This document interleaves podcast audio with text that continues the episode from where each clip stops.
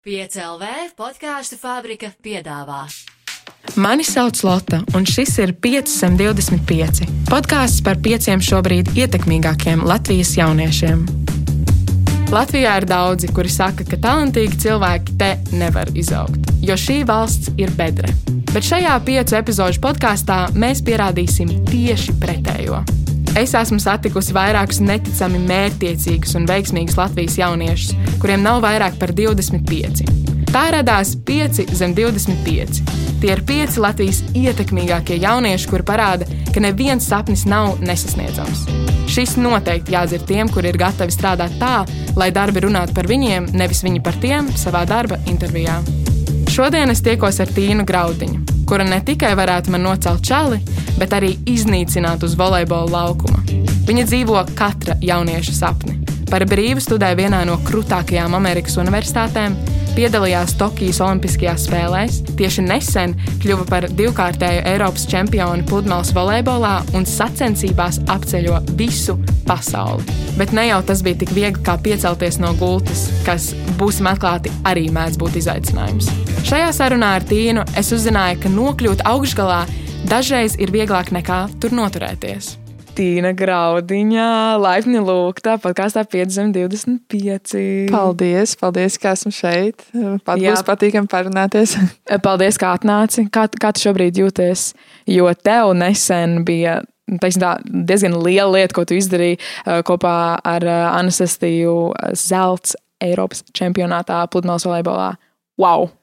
Jā, paldies. Um, nu, kā es jūtos šobrīd? Uh, Nu, tā interesanti, jo, protams, milzīgs prieks par uh, to, ko mēs sasniedzām. Jo, um, lai arī mēs zinājām, ka mēs esam nu, ļoti labas un varam izcīnīt medaļu, nebija tā, ka mm, kāds no mums vajag gaidīt tieši to zelta. Tāpēc uh, bija tāds tīrs prieks, kad mēs uzvarējām, jo mēs uzvarējām ļoti labas komandas. Tagad ir tik jauki pabūt šeit Latvijā un uh, nu, bišķiņ, uh, iet parunāties ar cilvēkiem, pastāstīt, kā man iet, un arī vienkārši pabūt mājās. Tad, cik es saprotu, tagad tev šī nedēļa ir tāda vairāk atpūta. Un, uh, Jā, nu mēs tāpat ne- trenējamies. uh, Tas Protams. jau nekur neizpaliek, bet uh, vienkārši tā varbūt mentālā spriedze, ka jābūt gatavam uz nākošo nedēļu sacensībām, tāda gan nav. Jā. Jā, un kāda tev bija visa vasara, vai tu varēji izbaudīt? Jo, cik es saprotu, visi jau runāja par to, cik karsti bija un tā tālāk, bet vai tu to varēji? To Jā, nē, nu, man vasaras jau ir pierastas, kad viņas man ir diezgan aizņemtas, jo mums ļoti daudz jāceļo pa sacensībām.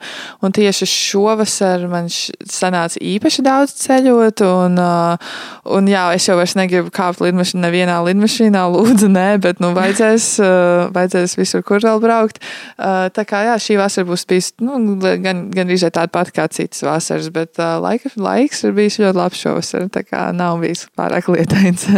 Jā, un tu esi ļoti daudz ko sasniegusi uh, savo, savos gados, teiksim tā. Uh, kā tu ar to visu tiec galā? Nu, baigais jautājums. Jā. Kā, es, kā es pati ar sevi tieku galā?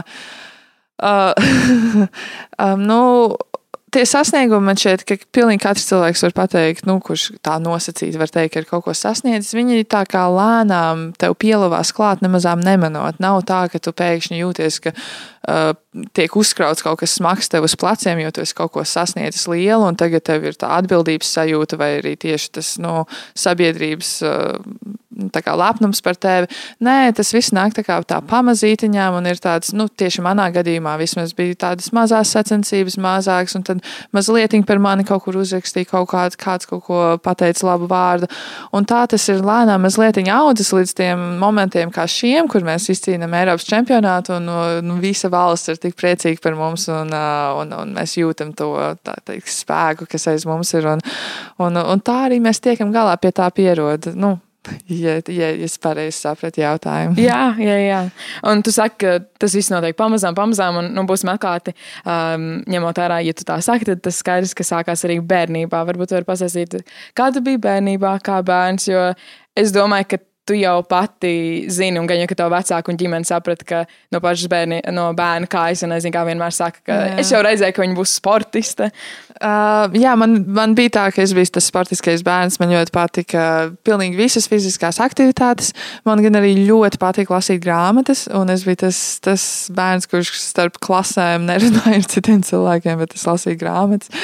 Um, bet uh, jā, es vienmēr pēc skolas gāju uz treniņiem, un uh, vienkārši to vecāki tādā ziņā man ielika to disciplīnu, ka pēc skolas ir treniņš, un mājās pildīt mājas darbus. Nebija tā, ka es baigi blandījos apkārt pa pilsētu vai kaut kā tā. Un, jā, man šeit tā arī atkal tieši tas pats pamazām tie treniņi kļūst nopietnāki, sacensības bija šī nopietnākas un tā atšķir.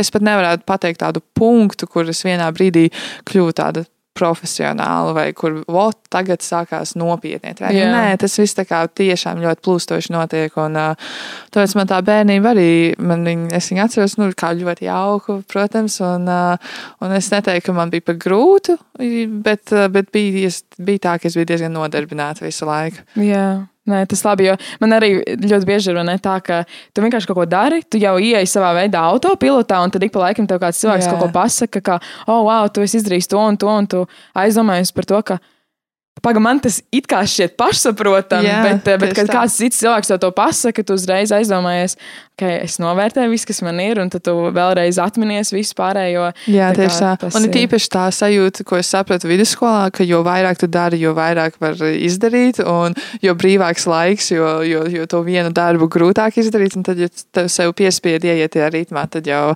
tad jau tie darbi iet nāk pēc viens pēc otra pa dienu, un tā kapacitāte strādāt ir daudz lielāka. Jā, un es zinu, ka tavā ģimenē arī ir, ir divi brāļi. Jā.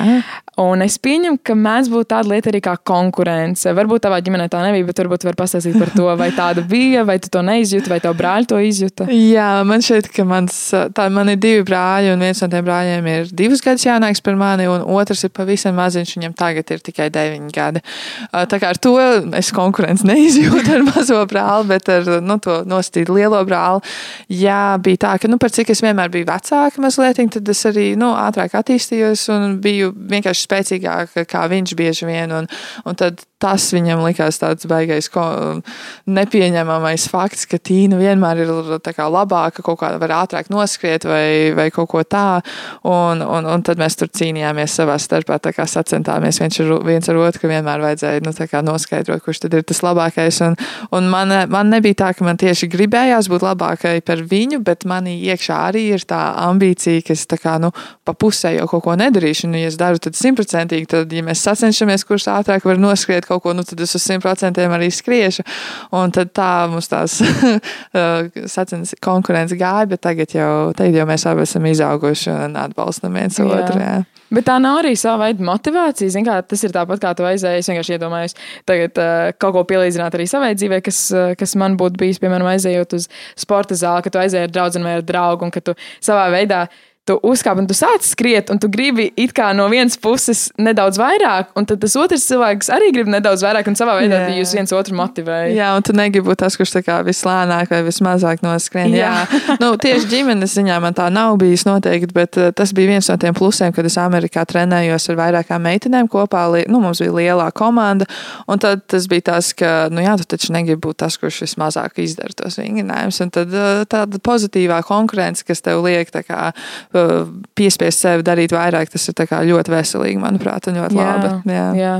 Un tu jau pieminējies par Ameriku, jo tu tur, tu tur arī mācījies un vēl joprojām mācīsies, jo tu turpināsi jā. mācīties.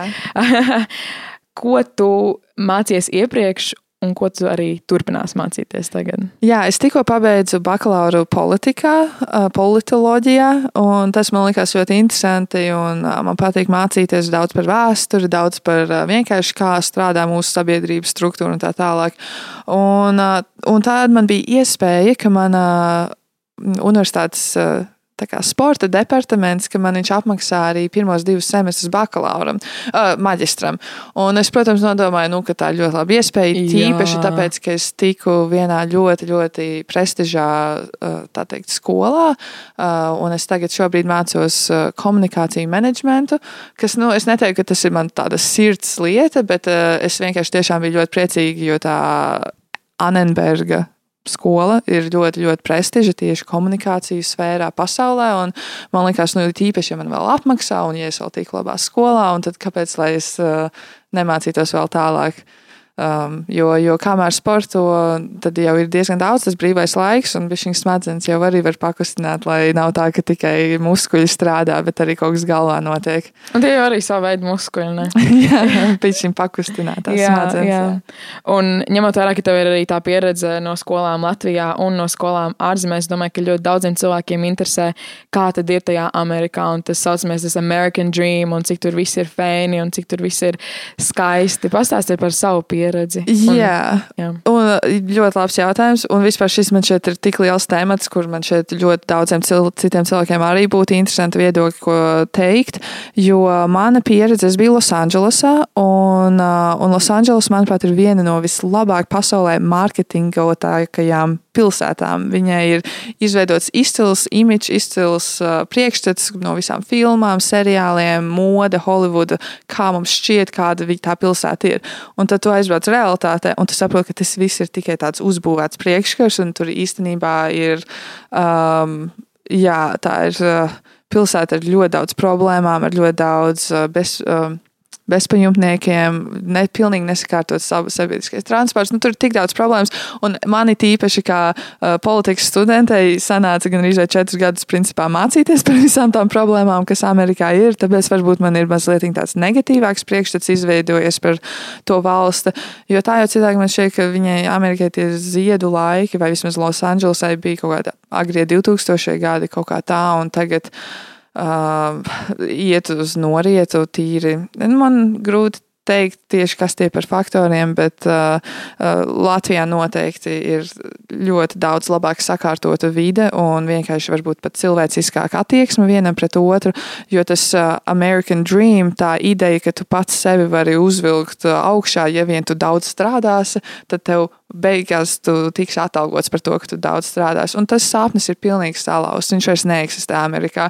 Tūkstošiem cilvēku strādā divos darbos, trijos darbos, un viņi knapi spēj samaksāt savus uh, ikmēneša rēķinus, un viņi vēl joprojām tic tam, ja, ja vien es vairāk strādāšu, ja vien es vairāk tā teikt, uh, ieguldīšu to enerģiju, jo amerikāņi tic, nu, ka jā, vajag. Uh, vajag, nu, tu nevari slinkot. Jā, daudz jā. darīt, un vēl visi tie iekrājumi. Un, jā, un, un, un, un tas, diemžēl, tā vairs nav realitāte. Varbūt tur 90. gados tā arī bija, ka, ja tu daudz strādās, to arī sapelnīs to naudu, bet tagad mūsdienās tā vairs nav. Un, un man šeit, jā, šeit vēl pievienojot visu ekonomisko situāciju, politisko un kā tur viņiem tur, ai, jā, tas ir daudz problēmu. Daudz, daudz un liels temats, un man šeit tur arī daudz gudrāk cilvēki par mani varētu kaut ko vēl tā kā no normālāk pateikt par šo visu. Jā, bet uh, paši studenti, piemēram, kādi bija, nu, fantastiski. Jā, tas bija pilnīgi es esmu tik priecīga, ka es aizbraucu uz to Ameriku. Jo pirmkārt, man ir šis viedoklis teikt par Ameriku kā valsti.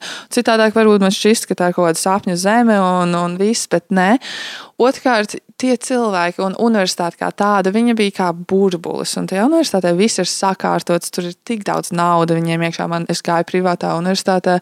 Un, jā, nu, protams, es ne tikai esmu savus labākos draugus ieguvis, bet arī savu tagadējo draugu. Un uh, Losandželos ir pludmales volejbola dzimtene, kur viss, viss oriģināls sākās, un tur tie kontakti, tur vienkārši staigā gar pludmali, un tur redzi olimpiešus. Vot šitā meita, sieviete dabūja tur olimpisko zeltu Atlantas olimpiskās spēles pludmales volejbolā. Un, un var just to, to vēsturi un to. Jā, tā kā tieši Losandželosā un tieši ar, ar universitāti un tieši priekš pludmales volejbola tas bija tiešām vislabākā vieta pasaulē, kur es, var, kur es varētu atrasties, un es pilnīgi nenožēloju, ka es tur aizbraucu. Jā, nav tā, ka pašā skolā ir vairāk mm, cilvēki ne no Amerikas? Uh, jā, nav? Ir, ir citas universitātes Amerikā, kur tā varētu būt, bet tieši manējā, nu, ko tādi nezinu, 10% varbūt ir ne no Amerikas un ļoti daudz no Āzijas, jo tieši pēdējos laikos tieši no Ķīnas, Korejas, Taizemes ļoti daudz mēģina iebraukt tā kā tikt iekšā tajā Amerikas darba tirgu caur universitātēm. Bet jā, sportisti, starp sportistiem ir vairāk mazliet tie starptautiskie cilvēki, jo viņi arī ar stipendiju var tikt tajā universitātē. Un jā, man beigās arī laikam būs tā sanāca, ka visvairāk man draugi ir tieši no neamerikāņi, bet kuras Jā. es ieguvu tieši Losandželosā. Uh, jā, jo amerikāņi ir interesanti cilvēki, viņi ir ļoti draudzīgi, tiešām un sirsnīgi, bet uh, viņiem var just, viņiem kaut kas tur ir citādāks, ka dažreiz kā mēs labi varam parunāties, bet nu nav tā dziļākā izpratne vienam par otru. Jā, tā kā ļoti virspusē un kaut kā mākslīgi, ka tu jūti kaut Jā, ko nu, virspusē veidā. varbūt ne mākslīgi, jo priekš Jā. viņiem tas nav mākslīgi. Priekš Jā. viņiem viņi tā kā tiešām normāli parunājās, bet uh, uh, es varēju just, ka es esmu latvieta un ka ir bijusi šī citā mentalitāte un ka varbūt man līdz tam galam jā neizprata. Jā, un, piemēram, salīdzinot ar amerikāņiem, kāda bija skolēna Latvijā, jo skolā tu mācījies Latvijā, nevis um, Amerikā. Jā, nu, pirmkārt, es biju pārsteigta par to, ka cik daudz vieglāk bija universitāte salīdzinoši ar Latvijas vidusskolu. Man šķiet, ka Latvijas vidusskolā tas apjoms un kvantitāte, ko, ko liek bērniem iet cauri, tas ir vienkārši nereāli un nekvalitatīvi. Es teiktu, tas eh, man varbūt bija.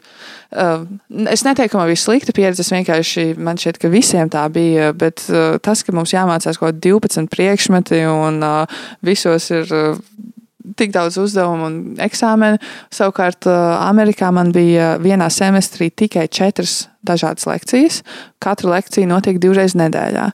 Un Un, lai arī es gandrīz jutos slikti salīdzinot sevi ar saviem latviešu draugiem, kas te mirst nostājās universitātēs, es jutos slikti, jo kā nu man ir tik daudz brīvais laiks un it kā tik maz, bet tajā pašā laikā es jūtu, ka es tiešām no, ar vistīrāko sirdsapziņu varu teikt, ka es uh, pārzinu un saprotu to, to attiecīgo uh, jomu, par kuru man bija tā lekcija. Un, uh, tur man šķiet, tā bija šī kvalitāte ar kvantitāti, bija šī uh, proporcijas citādākas Amerikā kā šeit, Latvijā. Jā, man šķiet, ka mūsdienās bieži vien ir ceļš tas, ko es pamanu Latvijā, ka mēs nenovērtējam to brīvo laiku vai to atpūtu tik ļoti, ka tev ir iekšā tajā galvā visu laiku. Es, es arī tā bieži pamanu, Jā. ka es tā domāju, ka man ir, okay, man jāstrādā, man jāstrādā, man kaut ko vajag darīt, bet tad tu saproti, ka, lai tu strādātu tikpat labi, tev arī ir vajadzīga tā atpūta. Un tas tomēr. ir, tas ir viens no galvenajām lietām, ko sportistiem vajag saprast, jo, jo atjaunošanās process ir tikpat svarīgs kā stra, eh, treniņa process, jo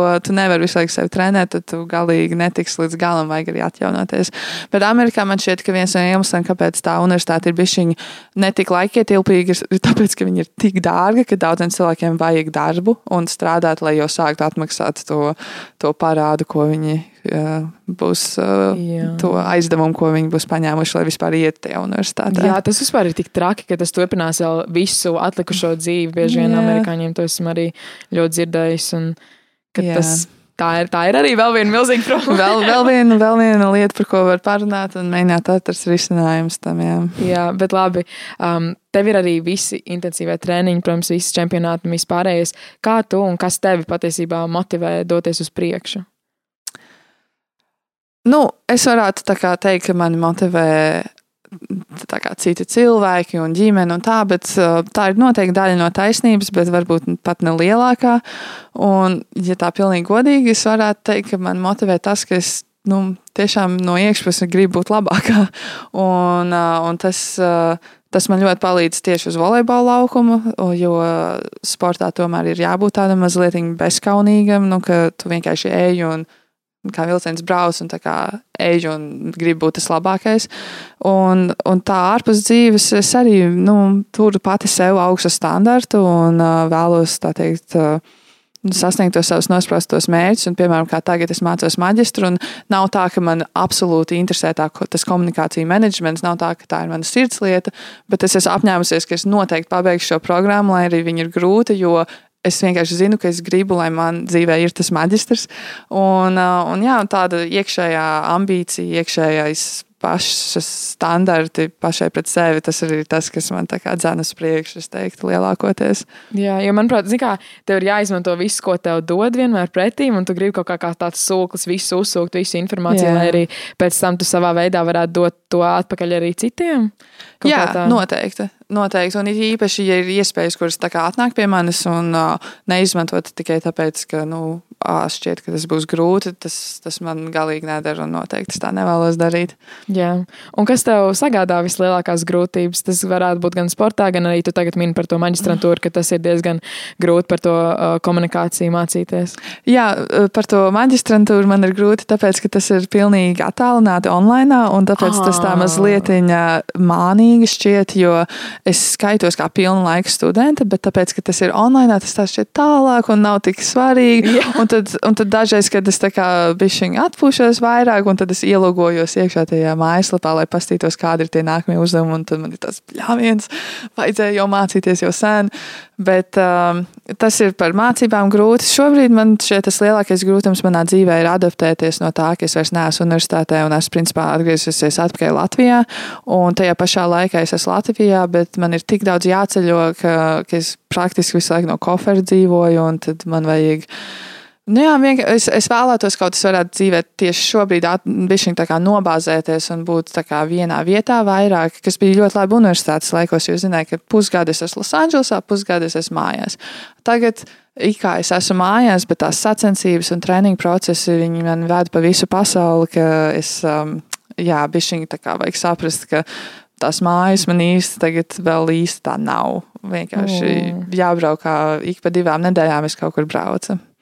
Jā, un uh, Mēs kaut kā no sākuma nedaudz par to sākam runāt, bet par atpūšanos pašu. Kā tu pati atpūties? Man ļoti patīk daba, uh, un man ļoti, Amerikā, ko es ļoti daudz izmantoju, bija iet. Viņiem ir tik skaisti nacionālie parki. Es biju uz uh, Lielo kanjonu, uh, es nostaigāju pašā, līdz pašai, pašai lejai un paliku pa nakti, kas bija vienkārši viena no vismaģiskākajām pieredzēm manā dzīvē. Es tiešām nepārspīlēju. Tas, ir, mm. tas bija maģiski, jo tas bija kaut kāda kombinācija ar to fizisko nogurumu, ko, kas, lai, lai vajadzētu tikt līdz lejai, tad tu tā kā tiec lejā un tu sajūti to spēku un senumu un arī bīstamību no tā kanjona, jo tur reāli var nomirt ļoti viegli uz katru soļu.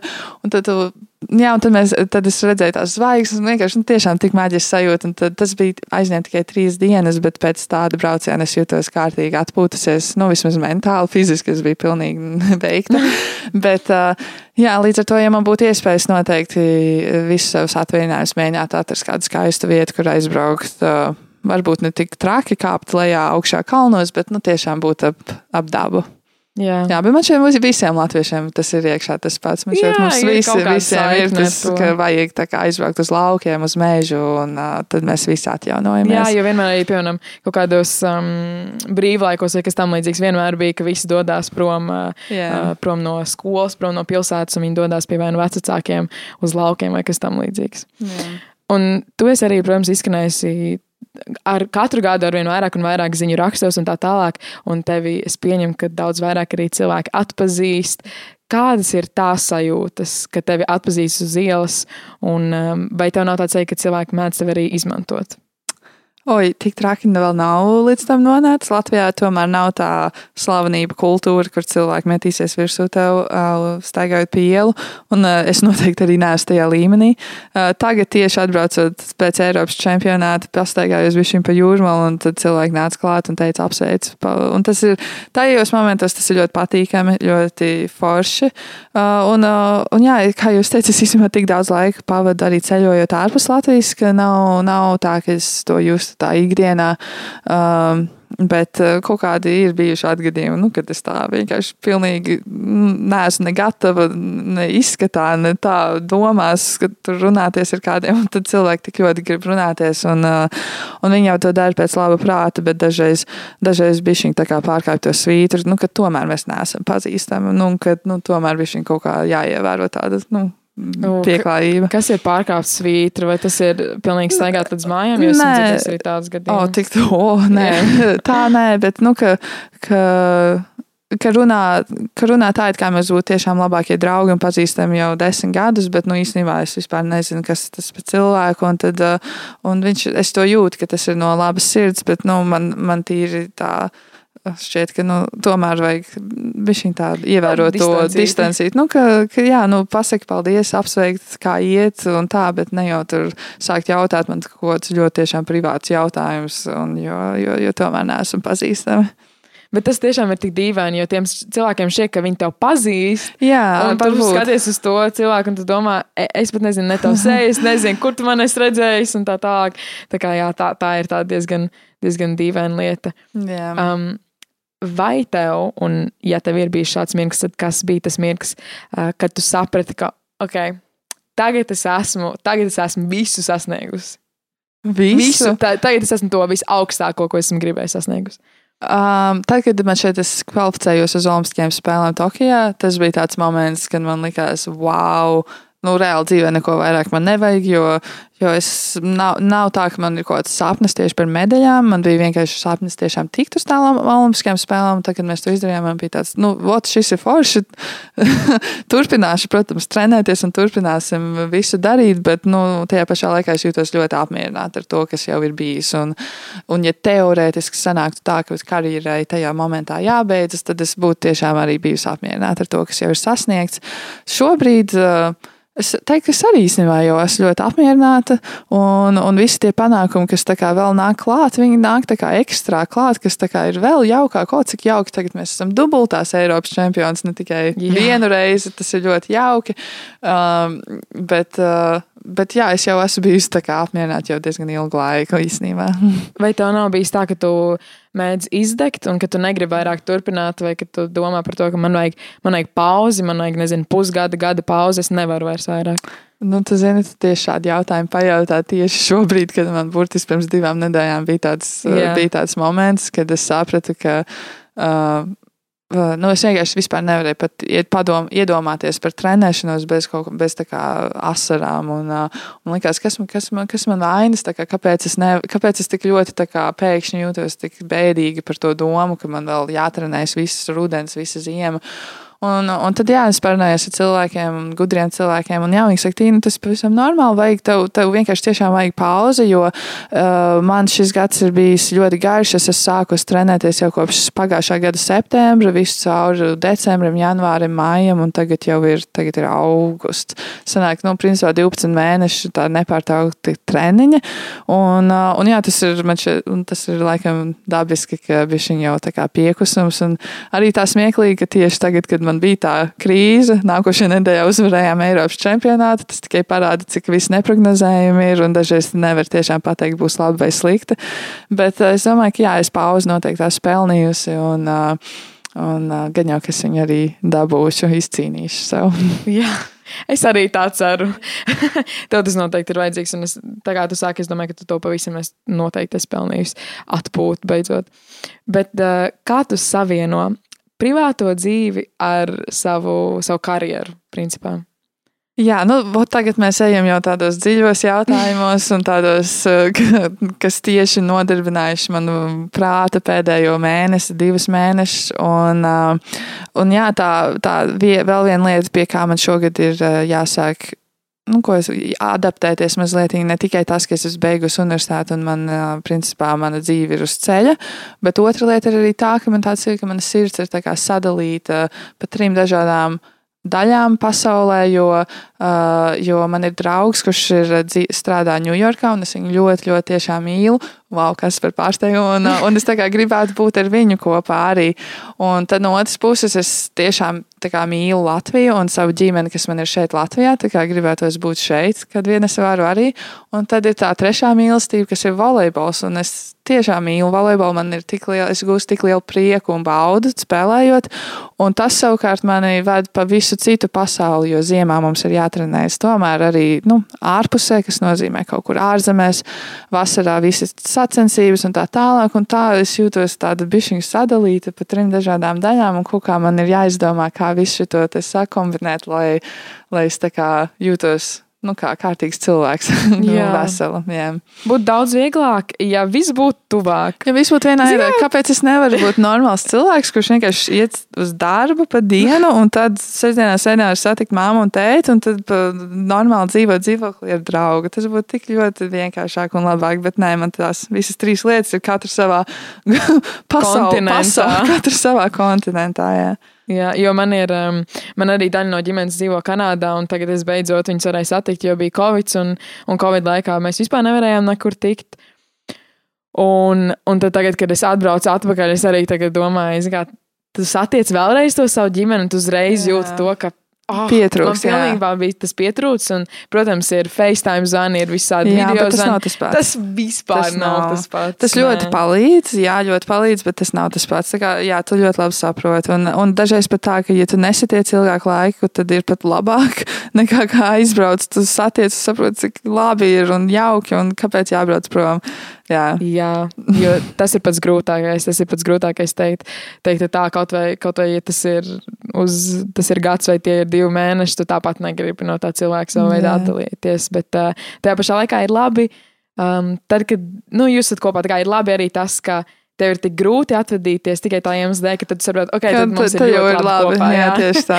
Tas tā kā ir, ir cik, cik patīkami, ka tik ļoti sāp. jā, dīvainā veidā tas Kaut kāda šizofrēnija. Bet uh, kas ir tavi vēl nerealizētie plāni? Ko tu vēl plāno darīt tālāk? Um, hmm. Ja tev tāda ir. Jā, um, jāpadomā uh, noteikti. Nu jā, bez spēle, volejbola spēlēšanas, ko es ceru, ka es diezgan ilgi vēl darīšu savā dzīvē, es uh, noteikti gribētu pamēģināt strādāt, nu, reāli strādāt. Tas tāds smieklīgi izklausās, ka gribētu strādāt. Bet jā, es īstenībā gribētu pamēģināt, uh, kā tas ir strādāt tādā nu, normālā, parastā darbā. Bet, nu, protams, darbā, kas man interesētu un patiktu, un man šeit tas varētu būt saistīts nu, ar vidi, ar kaut kādas ne. Uh, nevalstiskajām organizācijām, varbūt, varbūt starptautiski, varbūt pat Latvijā. Uh, nu, vienkārši, nu, jo man šeit dzīvē ir tik daudz citas lietas arī bez sporta, un, uh, un tā, tā ir tā viena dzīves joma, tad otra joma ir varbūt savas kaut kādas biznesa izveidot, kas arī varbūt nākotnē es neizslēgtu. Ah, un īstenībā es jūtu sevi iekšā, mums ģimenē ir ļoti noteikti skolotāja gēns, un es jūtu arī, ka es pati varētu to kādreiz dzīvē darīt, tikai vajag vispirms kaut ko kārtīgi labi iemācīties, kaut ko labu kārtīgi izdarīt, lai arī būtu iemesls Ko pēc tam, mācīt, ko jā. mācīt citiem cilvēkiem. Jā, tā kā tas arī varbūt nākotnē kādā momentā uh, kaut kas tāds būs. O, tad varbūt būsi sākuma skolas skolotāja, pamatskolas skolotāja vai kas tam Jā, līdzīgs. vai arī bērnu dārzā, vai arī universitātē. Īstenībā, godīgi sakot, vienā brīdī man likās, nu, zini, maģistrs jau ir ok. Es droši vien spēlēšu volejbolu vēl kādus piecus gadus, kāpēc paralēli nesāku doktorantūrā studēt. Bet, Ārprāts, un, tad, un, tad varētu, un tad varētu mācīt uh, universitātē, kas būtu tik forši. Man šeit tas ir tik iedvesmojoši. Un, uh, un es, atceru, es vienkārši zinu, kā es skatos uz maniem profesoriem universitātē, un tāds nu, reāli respekts. Un viņi ir tik gudri cilvēki un iedvesmojoši, un es arī tādu gribētu kādreiz būt. Tā kā varbūt tas arī kādreiz izdosies. Bet, nu, nu jā, doktorantūra tas ir nopietni. Tur vajag, uh, tur vajag arī atrast to pareizo tēmu tieši. Jā. Jā. Nē, man ir, man ir milzīgs prieks par to motivāciju, un, un es redzu arī to, ka tu iedvesmot pilnībā noteikti. Iedvesmo arī citus cilvēkus un jauniešus arī turpināt uh, darīt to, ko viņi vēlas, un, uh, un doties uz priekšu. Tā kā milzīgs tev paldies!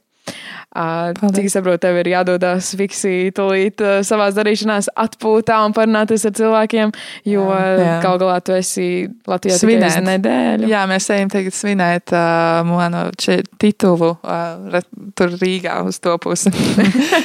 Apsveicu vēlreiz! Paldies! Un paldies tev milzīgs. Un tad jau gan, ka tiekamies ziņu rakstā. Jā, paldies, bija ļoti jauki parunāties. Paldies Jā, tev. Paldies! Atā! Jā. Atā. Šis bija 5 zem 25 ar mani Lotu. Šajā piecu epizodu sērijā mēs tiksimies ar pieciem ietekmīgākiem Latvijas jauniešiem zem 25. Jauna epizode iznāk katru ceturtdienu, piecu nedēļu garumā. Raksti DMos, kā tev patika šī saruna, un uzspied podkāstam follow. Tiekamies jau nākamajā epizodē!